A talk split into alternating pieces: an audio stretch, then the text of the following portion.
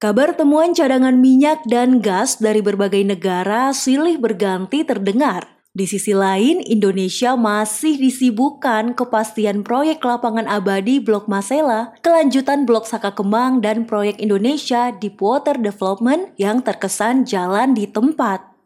Lalu apakah ini benar-benar pertanda sejak kala industri hulu migas nasional dan semakin jauh dari harapan untuk kembali ke masa kejayaan beberapa puluh tahun lalu?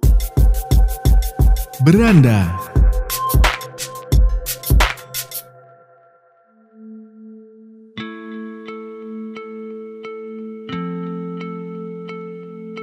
Bermula pada 1859, Edwin Eldred dan William Smith memulai pengeboran minyak bumi komersial pertama kali di Titusville, negara bagian Pennsylvania, Amerika Serikat.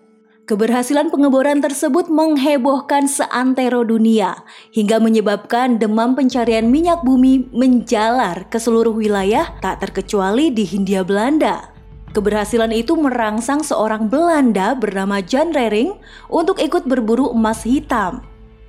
Tahun 1871, Jan Rering menancapkan bor pencarian minyak bumi dari lapisan batuan yang mengeluarkan rembesan minyak di Cibodas Tangat, Jawa Barat. Usaha Rering sekaligus menandai pengeboran pertama di Hindia Belanda yang berselang 12 tahun dari pengeboran minyak pertama di dunia. Meskipun usaha pertama ini hasilnya jauh dari memuaskan akibat keterbatasan alat, alhasil dari total 4 sumur hanya menghasilkan 6.000 liter produksi minyak bumi yang lambat laun menyusut. Barulah pada 1885, Aye Zilker, seorang pemimpin perkebunan tembakau Belanda, mencatat keberhasilan pertama penemuan minyak bumi secara komersial di daerah Langkat, Sumatera Utara, melalui sumur Telaga Tunggal Satu. Tahun 1885 hingga awal abad 20, jumlah perusahaan yang mengembangkan usaha bidang pertambangan minyak dan gas bumi di Hindia Belanda semakin banyak. Sekurang-kurangnya tercatat 18 perusahaan minyak beroperasi di Hindia Belanda pada masa itu. Seperti Zilkar di Telaga Said, Adrian Stup di Jawa Timur, Standard Oil, dan di berbagai daerah lain yang tersebar di Sumatera, Jawa, serta Kalimantan. Pada 16 Juli 1890, guna mengembangkan usahanya, Zilker memboyong pemodal hingga terbentuk perusahaan baru dengan nama Koninklijke Nederlandse Maatschappij tot Exploitatie van Petroleum Bronnen in Nederlandse Indie.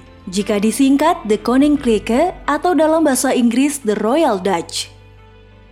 24 Februari 1907 untuk memperkuat kedudukan terhadap saingan-saingannya, Royal Dutch yang memiliki lapangan-lapangan minyak di Hindia Belanda bergabung dengan Shell yang memiliki kapal-kapal tangkar dan memiliki keahlian dalam memasarkan minyak. Gabungan ini menjadi The Royal Dutch Shell dalam bahasa Inggrisnya atau The Koninklijke Shell dalam bahasa Belanda.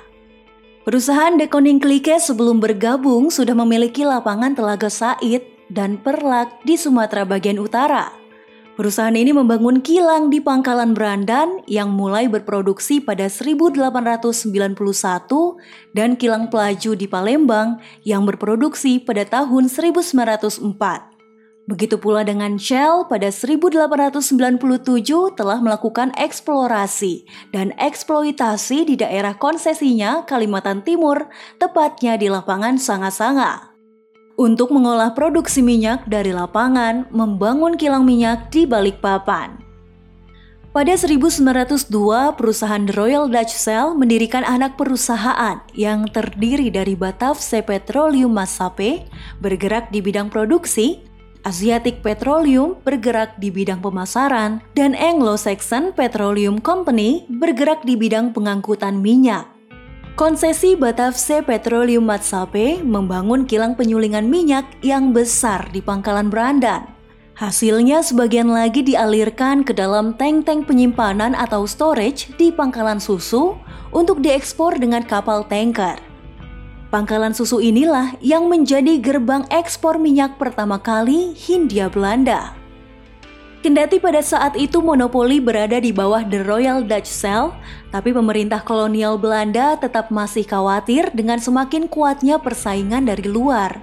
Pemerintah Hindia Belanda lantas menerbitkan Indische-Manwit atau IMW pada 1899 atau Undang-Undang Pertambangan 1899 untuk lebih melindungi perusahaan-perusahaan Belanda dan menjamin penerimaan bagi negeri Belanda. IMW juga mengatur pemberian izin eksplorasi bahan galian dan konsesi hanya diberikan kepada warga negara atau penduduk Hindia Belanda. Tahun 1918, UU Pertambangan mengalami perubahan yang sangat penting dengan menambahkan pasal 5A yang memungkinkan pemerintah Hindia Belanda menguasai usaha tambang minyak dan gas bumi, sedangkan perusahaan swasta yang berminat melakukan usaha dalam bidang tersebut harus mengadakan kontrak dengan pemerintah Hindia Belanda dalam bentuk kontrak 5A.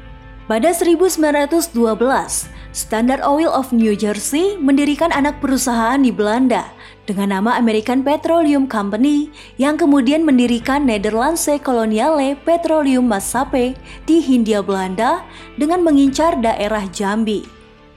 Pada 1919, NPKM berhasil memperoleh konsesi dengan menemukan minyak di lapangan Talang Akar Temuan ini merupakan lapangan terbesar yang pernah ditemukan di Hindia Belanda di masa sebelum Perang Dunia Kedua.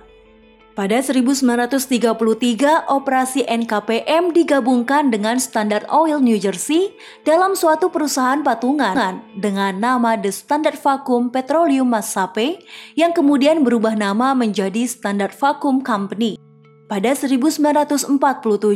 Lengkapnya menjadi PT Standar Vakum Petroleum Indonesia pada 1959. Perusahaan ini menemukan dua lapangan minyak baru dengan perluasan kilang Sungai Gerong merupakan salah satu kilang besar di Asia Timur sebelum Perang Dunia II pecah dengan jaringan pipa dipasangkan dari 4.000 barel per hari pada 1936 menjadi 40.000 barel per hari pada tahun 1940. Pada 1930, Standard of California masuk dengan membuat cabang perusahaan Netherlandse Pacific Petroleum Maatschappij. Perusahaan ini lantas bekerja sama dengan Texas Company sehingga dikenal dengan California Texas Oil Company alias Caltex. Dalam perkembangannya, mereka melakukan eksplorasi di daerah Pekanbaru dan Sebanga. Pada 1935, BPM mendirikan anak perusahaan The Netherlands New Guinea Petroleum Maatschappij untuk eksplorasi di daerah Irian Jaya dekat Sorong seluas 100.000 km persegi dan mulai menghasilkan minyak bumi 4.000 per barel sehari.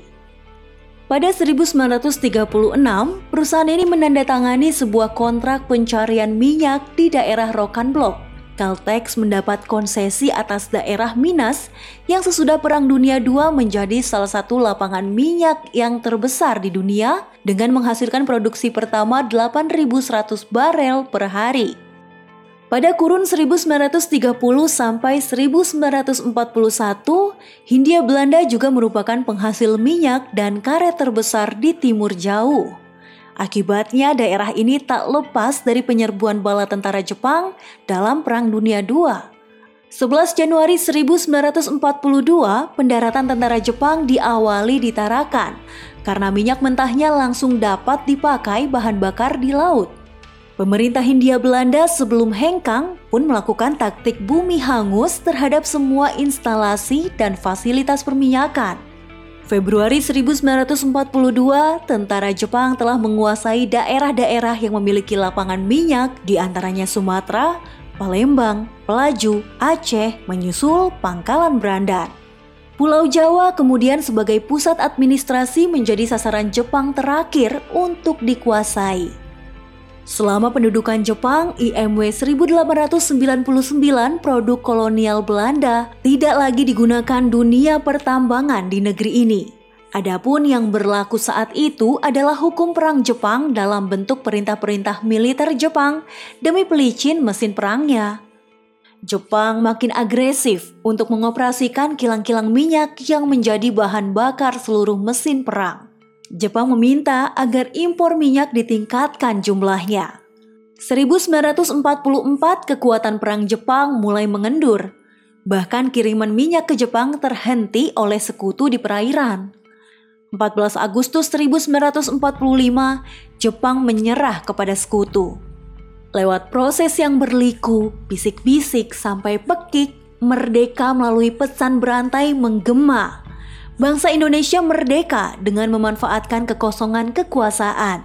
Perlawanan mempertahankan kemerdekaan masih berlanjut termasuk kehidupan dunia perminyakan yang bermuara pada pengakuan kedaulatan perang melalui konferensi meja bundar pada 1950.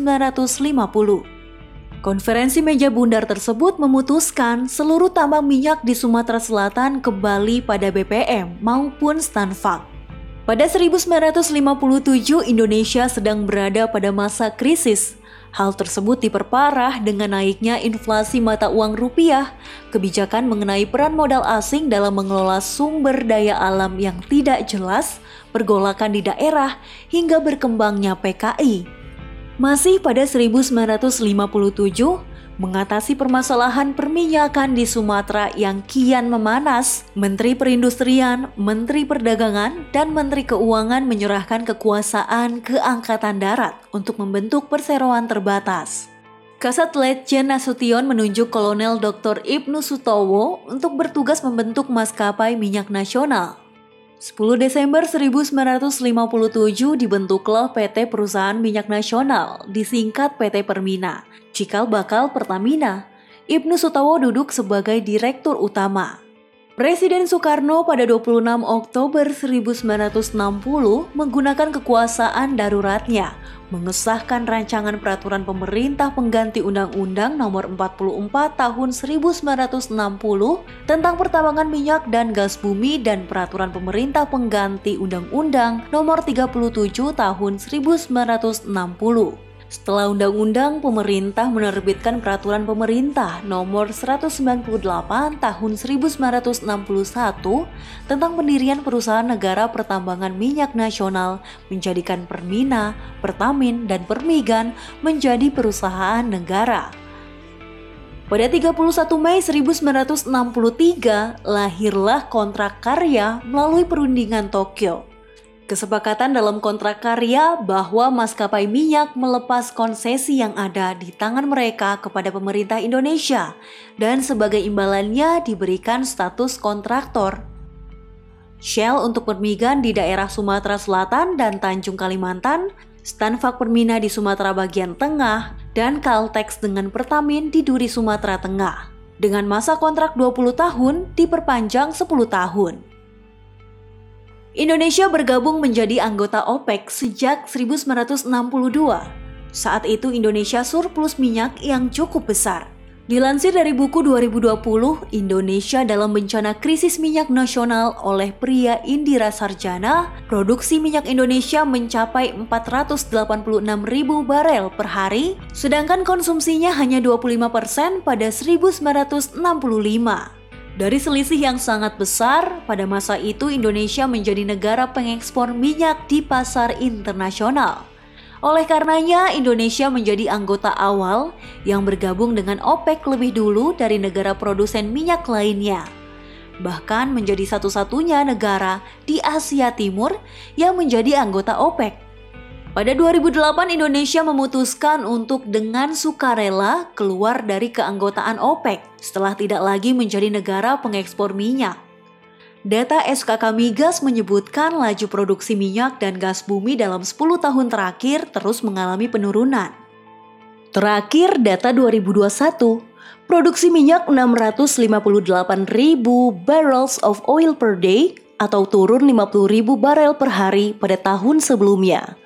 Begitu pula dengan produksi gas nasional mengalami penurunan dari 2020 sebesar 3 million standard cubic feet per day yakni 6.662 million standard cubic feet per day. Kondisi tersebut ditambah dengan beberapa proyek raksasa minyak dan gas bumi di Indonesia yang tampak tersendat akibat ditinggal oleh sejumlah perusahaan asing pemegang hak partisipasi atau jumlah cadangan tak sesuai proyeksi awal. Eksplorasi sumber-sumber minyak baru hingga saat ini masih terus dilakukan. Namun demikian, upaya tersebut belum mampu menutup kebutuhan minyak dalam negeri. Akankah kejayaan hulu migas akan terulang? Atau hanya sebagai memori indah masa lalu?